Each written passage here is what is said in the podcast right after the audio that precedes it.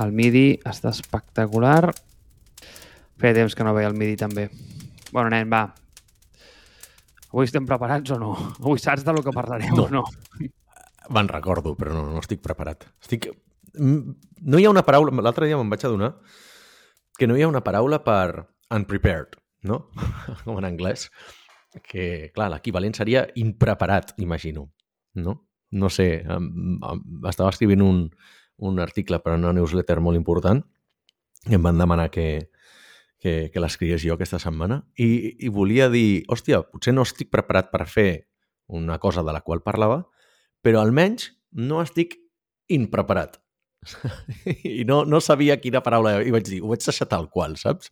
I vaig dir, segur que això, això és la manera de crear neologismes. Podries fer servir de xat, gandul... Sí, home, clar, però té moltes altres connotacions. Però simplement el fet aquell de dir...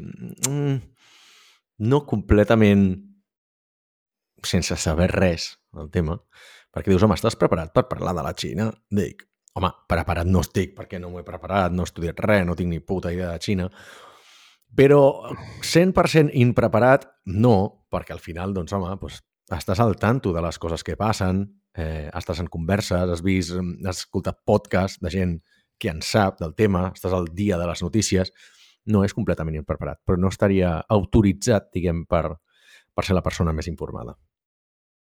Hmm. Ah, però ets un tio, Àlex, que tio, et preguntin de lo que et preguntin, tu tens una opinió. Crec que és important tenir opinions. Sí. Tens opinions, tens strong opinions, saps? Opinions fortes. Com... El, el, pitjor és que, que quan tens opinions fortes, diuen que el millor per, per estar en negocis has de tenir strong opinions loosely held, no? Opinions fortes, però eh, amb poca... no amb poca convicció, sinó amb poca fermesa. Està disposat a canviar-les. Jo no, jo tinc opinions fortes i no estic disposat a canviar-les. Per tant, segur que em queda molt per aprendre de, en el món dels negocis perquè aquesta actitud potser no em portarà gaire lluny. És que quan penso en tu, saps en què penso? És que és un concepte... A veure, jo juraria que el concepte és francès, però ara també em puc tirar a la piscina d'una manera... O sigui, això sí que està loosely held de collons, eh? eh I és el concepte aquest de... Sí, el concepte aquest de flanor, saps? Que és com una espècie de tio que va per la vida sense un rumb molt fix, però empapant-se de tot el que passa i disfrutant de cada moment. Ja posarem el concepte. És que és molt interessant el concepte i m'agrada molt. I, I et vaig una no mica el així. coneixia. No el Mm. coneixia, no sé ni com s'escriu, perquè del francès, del que es pronuncia al que s'escriu, hi va un munt. Per tant, Ja... no tinc ni idea de com s'escriu això, saps? Es diu flaneur. I crec que hi ha un accent d'aquests raríssims francesos de pel mig, juraria. Val. I de fet, és que, tio, m'encanten aquestes paraules que no tenen traduccions directes en altres llengües i que només tenen certes llengües. Per Sí. exemple, Se'n podria parlar, eh, d'això. Tinc, Oh. fet servir moltes. És que saps, saps què passa amb això? Que hi ha una, mm, hi ha una pàgina que es diu Eunoia que les llista totes. És brutal, però és una pàgina que la flipes, eh? O sigui que està ultra ben feta. Ja, ja, ja, te la passaré després. pues, eh, hi ha moltes d'aquestes, com per exemple, hi ha una al francès que ara no m'està venint al cap i, si plau per tots els francesoparlants de l'audiència que vinguin i em diguin quina és perquè no la recordo, i és que, saps quan vas per la, a la feina? És que tu treballes des de casa, macho, però això no et passa, ¿vale? però eh, quan vas a l'oficina, per algun motiu, tu pots agafar N rutes des de casa a l'oficina. Literal. O sigui, I totes estan bé, totes tarden el mateix, més o menys. Però per algun puto motiu sempre agafes la mateixa. Vale? Hi ha Llavors- una paraula en francès per això. Sí, hi ha una paraula en francès, per això que ara no recordo. O, per exemple, eh, en japonès hi ha un concepte que m'encanta, que és el de persona... és que és molt bo, eh? Persona que compra llibres, els acumula però no els llegeix. Aquesta és Sí, boníssima. sí, sí. Aquesta és famosa, sí, sí. I de fet també tenen la paraula per la pila de llibres, que està més pel simple fet d'acumular llibres que no pas per ser llegits. Eh. I mira, ja per tancar-ho, vale? hi ha una que és la que més m'agrada, val? que és que, és que més aquesta és molt puta, eh? És la de Schadenfreude, alemana. Schadenfreude. Gràcies. Eh, aquesta. Aquesta, Schadenfreude, o com collons es digui en Sí. alemany, gràcies perquè sí, sí, des de luego, si algú em pot corregir en alemany, ets tu. Eh, aquesta és boníssima, perquè, tio, és com una sensació tan real, com... Tan plaer de la desgràcia aliena. Sí. Exacte, tio, com... eh, Alegria en les misfortunes dels demés, tio. És brutal. Sí. Però és que és un concepte real. O sigui, passa, com no tenim una paraula per això? Però, en fi, saps qui té moltes paraules? Que no es poden traduir? D'aquestes que no es poden Al traduir. castellà.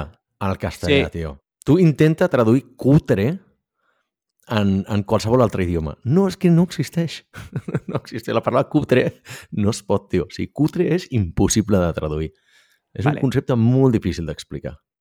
Dues coses. La primera, en anglès jo potser et diria com pa patxi, potser? O Així com... No. No? No és el mateix. És una combinació. És una combinació de vàries, però... Vale. Aquesta era la primera. I la segona... Bueno, però que- bon, bon intent, eh? Molt bon. És potser de lo més acurat que, que he sentit mai. Eh? I la segona és que no m'ajudes, fill meu, no m'ajudes. Perquè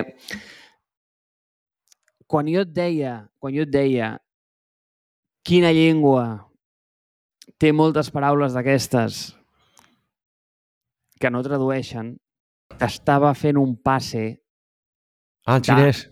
clar, clar, clar. Vale, tinc zero nocions de xinès, vull dir, literalment, crec que només sé dir campai, que és per brindar, no veus alcohol i ja està. No sé dir ni una altra paraula en xinès. O sigui, no, Àlex. no et seré molt útil. Àlex, que jo tampoc, però m'ho he imaginat i he pensat, mira, tate, igual és un bon passe, saps? Però bueno, en fi, no m'ajudes, tio, no m'ajudes.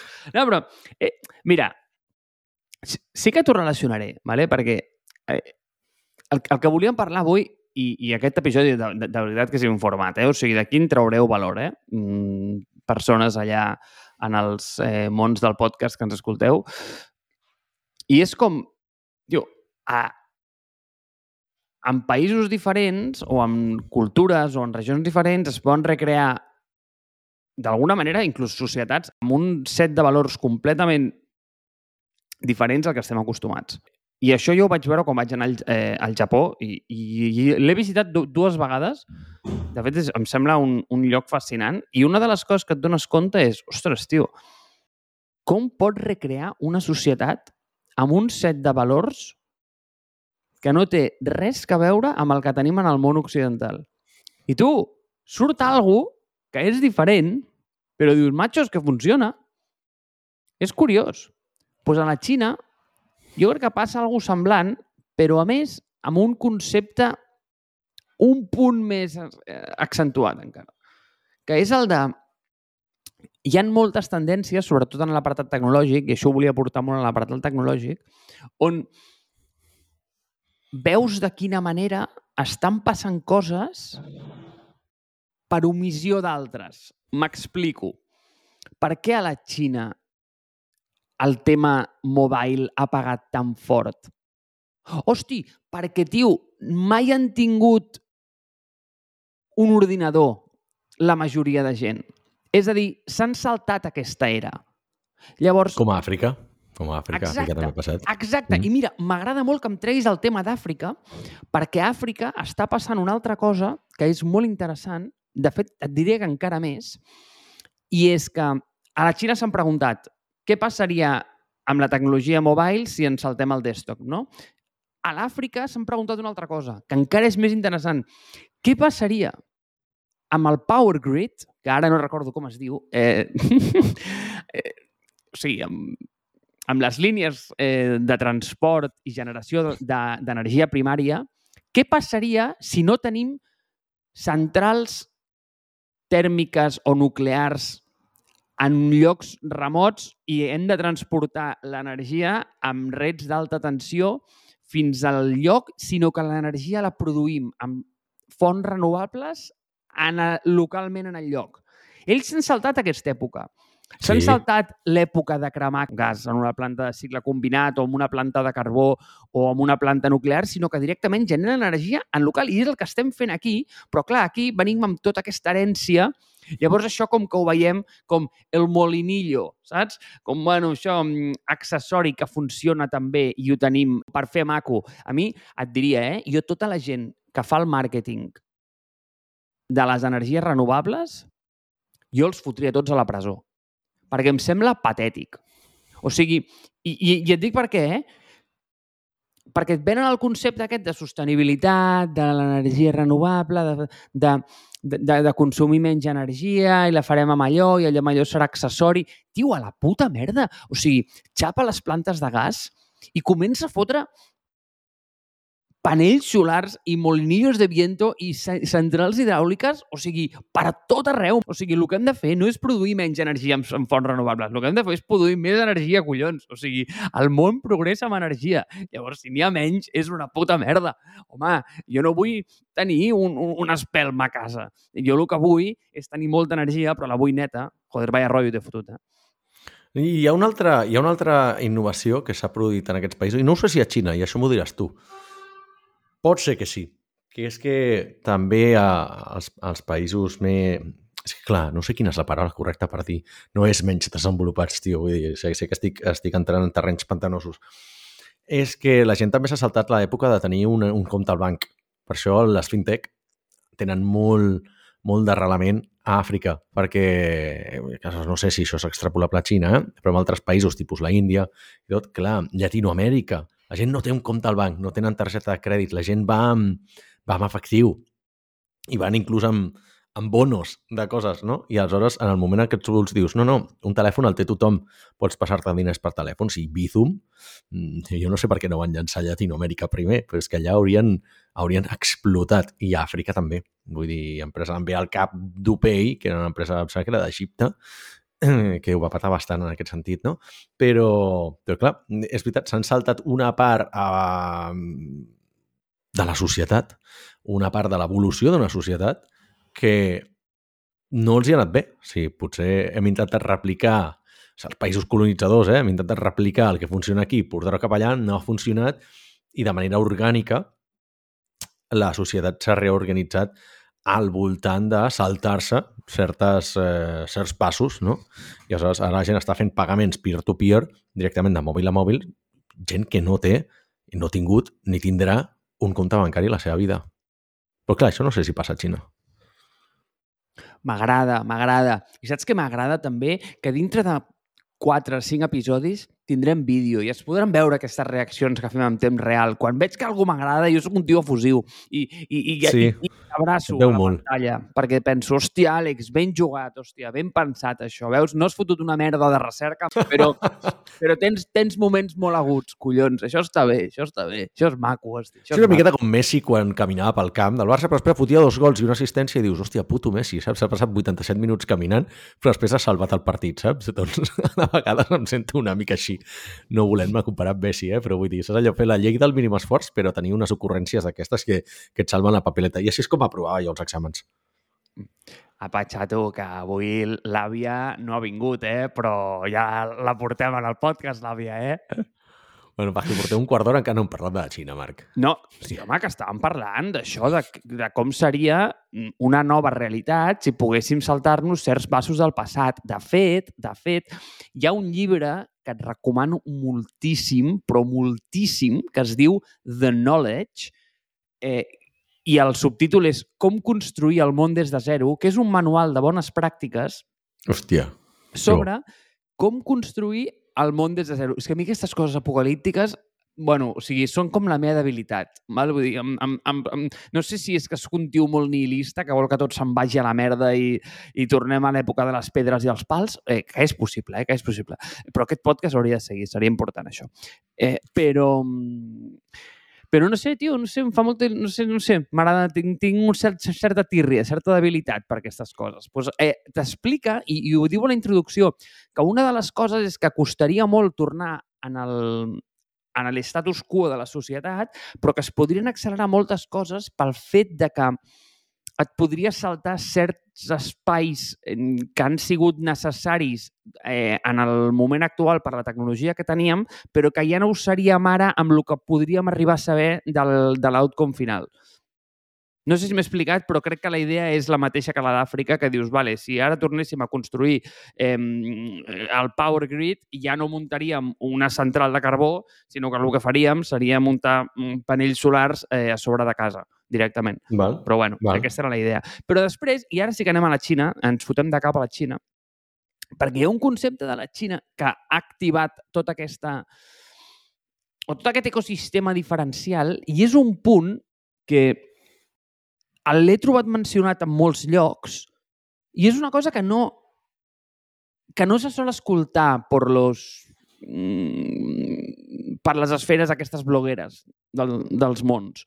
I és que segur que ets familiar amb el concepte aquest de fanga, no? De, de les cinc grans americanes, sí. no? Vale, que ara em sembla que es diu manga perquè han canviat la F per la M, Facebook, saps? per, Clar. correcte, per meta. Sí, exacte, però bueno, és igual. Eh, I d'aquí en no fi. molt serà Anga, perquè el pas que va a Facebook igual desapareixen dels cicles, eh? Aquesta és boníssima, m'encanta. igual, igual la M la podem posar en minúscula. Vale? Sí, Pues- exacte. Exacte.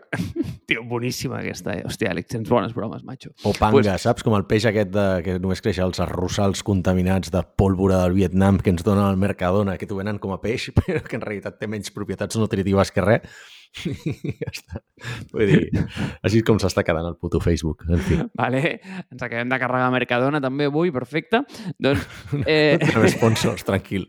No voldríem tampoc sponsors de, de Mercadona. Tu t'imagines Mercadona patrocinant això? Sí, home, tio. Poc cafè. jo, jo sóc més del mercat de les ceps i, i, i, de, i de casa amb Matller, però bueno, està bé. pues, allà tenen el que es diu... Eh, és que, clar, és que les inicials són nefastes, aquelles. Eh? Jo no sé qui se les ha inventat, però és que tenen molt poques vocals, pobres. I és la del BATX, que és Baidu, Alibaba, Tencent i Xiaomi. Val? Aquestes van ser les quatre primeres de la primera generació, és a dir, dels 2000, és a dir, els Facebook, Apple, Microsoft de la vida. D'acord? Van ser com la primera onada. Que no va ser la segona, perquè ara aquí et sona. Ara et sona, mm, no ho sé, mm, Baidu no et sona de res. Ara la que et sona de quina és? Pues et sona Ah, vale. TikTok i et sona pues, mm, Pinduoduo i et sonen aquestes, no? Vale. Llavors, d'aquestes quatre, la part interessant és que no només van ser els unicornios de la vida en allà, sinó que van ser també els Sequoias i els Anderson Horowitz de la vida. És a dir, aquests tios no només es van dedicar a créixer i a, i a rebentar-la, sinó que van dedicar-se a repartir pasta per l'ecosistema i quedar-se anem a dir com la segona onadeta. És a dir, és com si ara mateix tota la segona onada d'unicornios occidentals estigués finançada per tota aquesta tribu de fangues i, i, i hòsties, no? En lloc del que han fet, que ha sigut o matar-les o comprar-les directament. Per exemple, Didi, la Sí. dels cotxes, Els cotxes, sí, correcte. TikTok, Pinduoduo, tot això ha sortit de la mà del funding, totes elles estan com entrecreuades, no? O sigui, estan com eh, finançades les unes entre les altres i els tios el que han fet ha sigut assegurar-se la permanència des d'un punt de vista molt més proactiu que no pas des d'un punt de vista com molt reactiu. I hi ha una cosa que em flipa i, i quan ho vaig escoltar, ara diràs, tio, que bona. Eh, ho, ho vaig escoltar i vaig pensar, hòstia, nano, que brillant, que brillant. Et diuen perquè tu pensa, digue'm, quina és la competència principal de Google? A què es dedica Google? Què és? És una empresa de publicitat. Correcte. Però vull dir, quan la gent pensa en Google, què pensa? Pensa en un Ah, buscador. cercador. Sí, cercador, clar. exacte, exacte. O Amazon. Què fa Amazon? És un e-commerce, no? És un e-commerce, en realitat és Clar. una empresa de logística. Clar. Eh, a part de que, bueno, o sigui, i el que tu dius, no? Vull dir, Google per darrere fa 34.000 milions de coses, Amazon per darrere fa 34.000 milions de coses, però quan penses en ell, quin és el seu core competence? Doncs, pues, hòstia, un és un buscador, l'altre és una botiga d'e-commerce. Sí, He sí. sentit en un lloc que em va semblar divertidíssim que el core competence dels bats aquests no és, mm, no, no ho sé, pues, eh, la compra o, o la venda de dispositius mòbils. No, no, no, no. La seva competència és fotre calés. sigui, és igual com, ¿vale? però és, tio, aquests tios s'han especialitzat en fotre pasta i els és absolutament igual com. Llavors, crec que hi ha un canvi com molt diferencial perquè empreses com Baidu, que van començar sent coses totalment diferents al Google de la Xina, ara només s'està dedicant únicament, únicament, únicament s'ha fotut en el vertical dels cotxes autònoms. I ara únicament està especialitzat en això. I tu, i és el que diuen, dintre de poc, doncs saps què et dic? Que igual pot fotre una altra cosa. Eh, la seva especialitat no és com un core, sinó que és fotre calés a tota costa, sigui el que sigui, peti qui peti. I això em va semblar interessant, Àlex. No sé, aquest concepte no el veiem aquí. Mm, no, es sol veure més en, en empreses que potser han fracassat o... És que, clar, empreses que hagin evolucionat moltíssim, moltíssim el seu core, no, aquí el pivotatge es fa abans i el que veiem són empreses... Tampoc veiem empreses que siguin tan totxes. O sigui, i a Europa n'hi ha molt poques. Val? Um, que a Xina, pel volum que tenen i per, per com estan organitzats, doncs pots veure empreses massives d'un dia per l'altre perquè tenen una quantitat d'usuaris i de parlants del seu idioma al·lucinant. Que és una miqueta el que passa als Estats Units, però a Europa és que és molt difícil que això passi, saps? Vull dir, ara cada cop passa més, per sort, però clar, és que el primer gran producte que va sortir d'Europa que es va utilitzar a nivell global va ser Skype. No ens en, no, no ens en oblidem, val? I tot i així, és una cosa que no va permear a tota la societat. O sigui, realment allò del crossing de chasm no el va acabar de fer. O sigui, sí que la gent el feia servir, però no el feia servir tant com es fa servir WhatsApp, que el fa servir literalment tothom. Aleshores, clar, l'analogia seria Skype ha passat de fer videotrucades a ser un banc. No ha passat. O Facebook, ara si fes el canvi en metavers, però clar, potser no tancaria la xarxa social. Spotify, tu imagina que Spotify d'aquí uns anys diu, no, no, és que ens convertim en una empresa de vehicles. Hòstia, doncs no sé, o producció d'energies renovables. No ho veig, no. Això veus que, veus que els pivotatges passen abans. És que l'únic exemple que ve el cas, i, i salvant moltes distàncies i passant-ho pel filtre de, d'aigualir-ho molt i molt i molt i molt i rentar-ho fins allò, fins que el, fins que el jersei es fa petit i perd moltes talles, és que Twenty va passar a ser una operadora telefònica, però perquè com a xarxa social doncs home, va ser el que va ser. Però és que ve això al cap, vull dir, no sé, no tinc massa referents d'aquest estil. Mm, a veure, n'hi ha d'altres, però són tan antics que la gent no els coneix, no? És el, com el que dèiem, el llenguatge Java eh, es va crear per programar rentadores, per exemple, no? Eh, Nokia, si no recordo malament, no era una empresa de, de telèfons, era una altra cosa abans, no? Però, clar, són pivotatges que, es, mm, que passen en etapes, en etapes molt inicials. Slack ve d'un videojoc, era una eina de xat dintre d'un videojoc de realitat alternativa però, però el pivotatge d'empresa molt gran que canvia no es dona. Per tant, jo crec que això, no sé, jo no estic potser tan informat, eh, però, però no, no em ve cap exemple al, a la ment ara mateix. Sí, inclús Twitter va néixer com una cosa diferent, és cert? Sí. Mm. És, és un bon punt, eh? I que és que les empreses tecnològiques americanes al final que han fet és com a molt és expandir-se i fer-se multiproducte, però no han discontinuat les seves coses anteriors. És a dir, Amazon va acabar desenvolupant eh, AWS, no? el cloud computing, i, i que realment és un... És, no sé si és el que li fa més pasta de tot. Em sembla que a nivell de profit sí, no sé si a nivell de pasta també, però és una cosa al·lucinant, però no ha deixat de fer e-commerce, no? Eh, Google ha desenvolupat el Drive, ha desenvolupat Ads, ha desenvolupat email, mapes, eh, mil productes més, però segueix tenint el cercador, no? O sigui, no, no tanquen les coses anteriors, diguem, s'acaben convertint en multiproducte i intenten amassar quantes més coses eh, possible, no? I si no, les compren, no? El cas de Meta, doncs, amb Instagram, amb, amb, amb WhatsApp, amb Oculus i totes aquestes històries per, per diversificar, imagino. Però, hòstia, no, el cas aquest de soc una gran i xapo el meu negoci anterior, em dedico a una cosa enterament diferent, imagino que no fan de la nit al dia, això no, no tinc cap exemple, tio. Hòstia, el que sí que veus és com aquest moviment que semblava, o va haver-hi un moment que semblava que no es donaria tant de la majoria de les grans movent-se cap a la part... Eh, és, és que és normal, eh? Però movent-se cap a la part de, de la publicitat. És a dir, ostres, si sapiguessis la quantitat de pasta percentualment que li genera la, la, la publicitat a Amazon és boig. És boig. És, és, una, és una autèntica bogeria. Apple, la mítica companyia que diries que mai faria ads, mira, l'altre dia li va explotar un incendi a casa amb el tema aquest, perquè... Del gambling, el tema del gambling. Sí, exacte. Perquè... Que dius, xato, Potser per no portar molt de temps fent publicitat eh, ho van implementar malament, no? I van fer Clar. un sistema molt, molt poc propi d'Apple. Els catalans, ai, els castellans tenen aquesta de mm, zapatero a tus zapatos, saps? Sí. I igual se li hagués pogut aplicar això a Apple, de dir, mira, mm, deixa els que saben fer ads, que són Google, eh, eh, tranquil·lets, i, i tu dedica't a fer plàstic i metall amb, amb una mica de vidre, saps? I junta-ho bé, que et surt bastant bé, això. Però, eh, eh, eh no, no, però eh, on, on anava? Tio, has tret sobretot l'ecosistema aquest europeu? O sigui, a nivell europeu som un fracàs, eh, tio? Sí i no. No, o sigui, érem un fracàs, però gràcies a gràcies als Spotifys de turno, als Kazas i els Skypes i els TransferWise i tot això, avui en dia tenen molt de joc les grans tecnològiques europees perquè ja no hi ha el d'allò, els bicis americans no inverteixen en Europa, ja no obliguen a les companyies a, vols que et posi les sèries A? Sí, però has de venir capaç de fer el, el flip cap als Estats Units.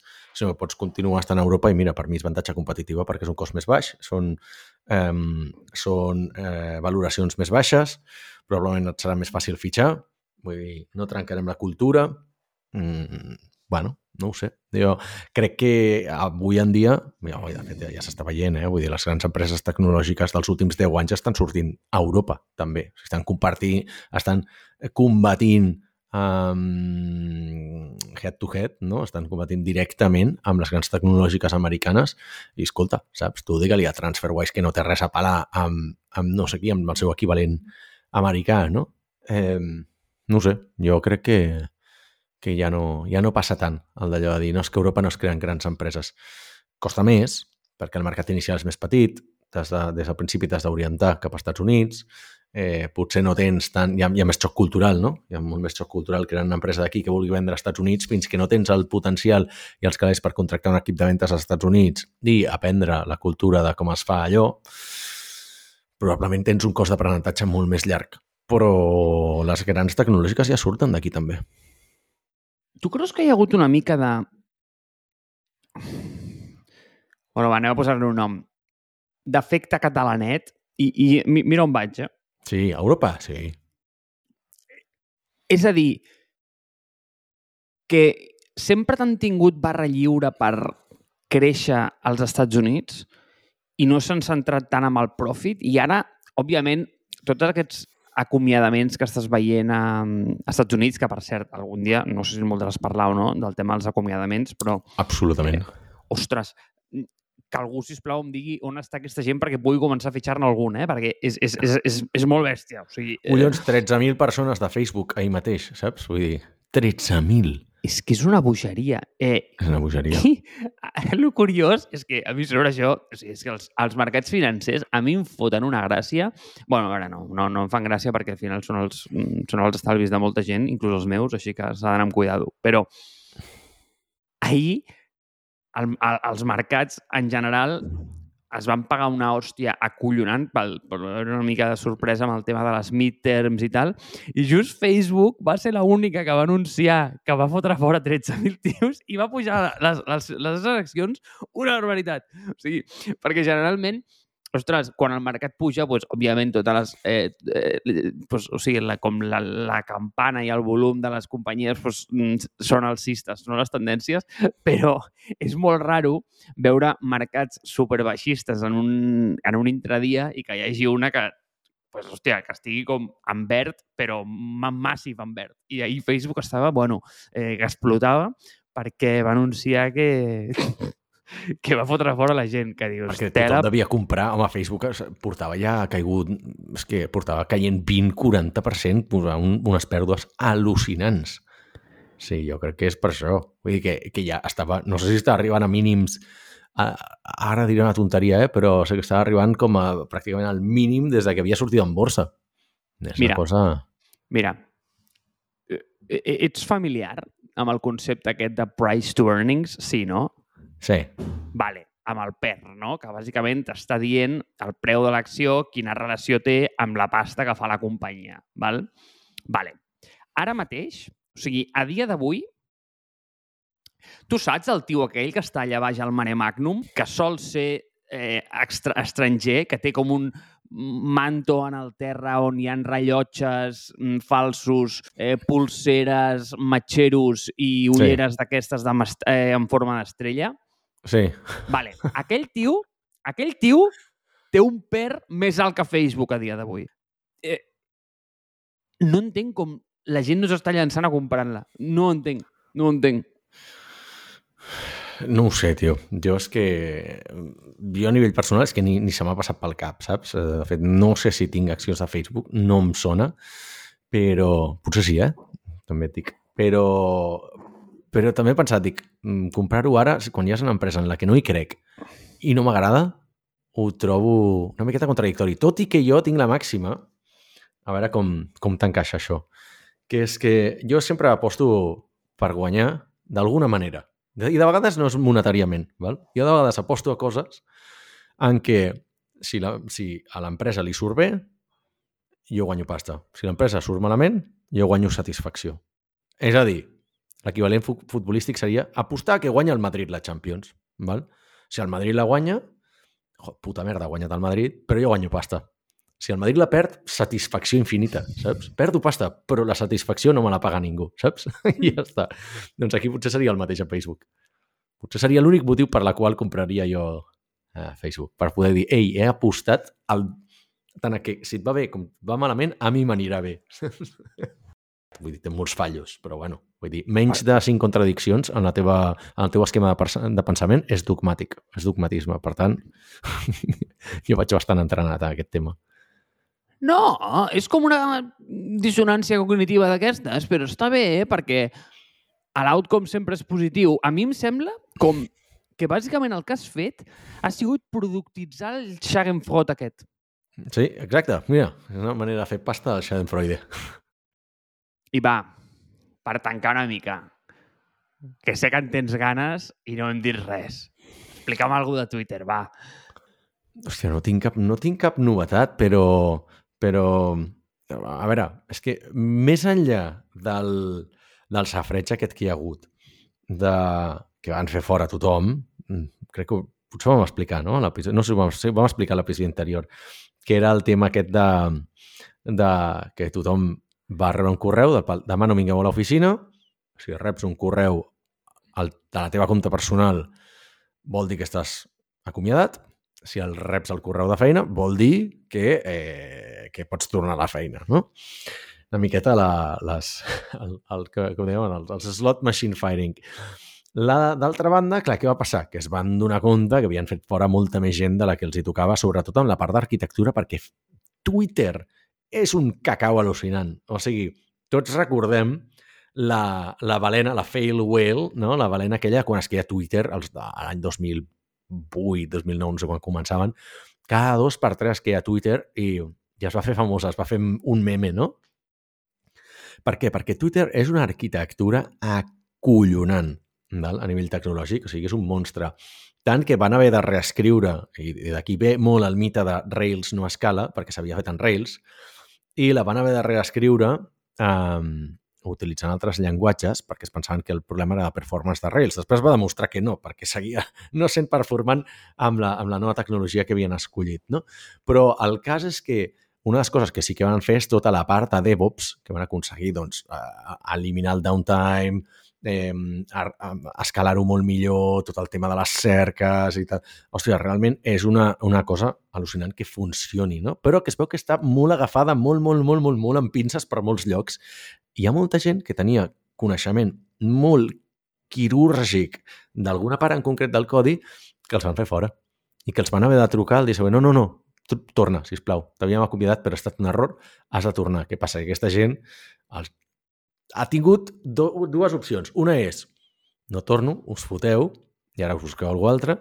O dos, vale, torno, però em tripliques el sou, val? que es veu que també ha passat. Però clar, a resultes, una cosa que potser no havien calculat, que jo crec que sí, eh, perquè Elon Musk està molt acostumat a fer fora feina, a fer fora gent, però quan tu fas fora un percentatge d'aquella plantilla, el 50% d'aquest percentatge et marxarà per, de motu propi. És a dir, si tu fas fora el 50% de la teva plantilla, has d'esperar que després el 25% digui, doncs jo també marxo, perquè ha marxat el meu amic, ha marxat aquest departament l'heu xapat, no sé què, a mi m'heu reubicat a un altre lloc, ho veig tot molt negre i marxen eh, pel seu propi compte. Per tant, jo crec que tot això ho tenien calculat a el Twitter i evidentment la gent li agrada fer escarni, li agrada fer safreig i li agrada fer populisme i sensacionalisme. Aleshores, jo crec que aquí també moltes de les notícies que, que han sortit hauran estat inventades o molt exagerades, però, però jo no crec que això no hagi estat una cosa calculada, eh? per bé que sapiguem que és un tio que és molt eh, impulsiu, però segurament tot això està calculadíssim i estudiadíssim al més mínim detall. Has fitxat algú de, als principis de Twitter, de Rails, a Mars Based? Hòstia, no, perquè una persona va construir Rails, uh, va construir Twitter en Rails del principi, no només deu estar en una posició ultra senior avui en dia, sinó que, evidentment, les deu estar en posició... O sigui, amb, amb, ja no només, no només a nivell de salari, eh, sinó que deuen ser CTOs d'empreses de les principals tecnològiques. M'atreveixo a dir que segur que els primers 10, 10 desenvolupadors de Twitter són tots CTOs d'empreses de més de, de 500 empleats o 1.000. Vull dir, és que estic convençudíssim. Per tant, ens queda fora de l'escala. A menys que hi hagi algú que digui no, no, jo vinc pel projecte, m'ho crec, i estaré encantat de cobrar una vintena part del meu sou per poder entrar a treballar amb vosaltres com a desenvolupador júnior. Aquesta gent viu en el bliss de la ignorància. I és que tu saps quan, per exemple, abans de tenir qualsevol giny, qualsevol invent, no n'ets conscient i en el moment que n'ets conscient, doncs, com que la teva realitat es fa petita, no? I et converteixes una mica més infeliç. Doncs aquesta gent viu en la ignorància de saber que podria treballar a Mars Based.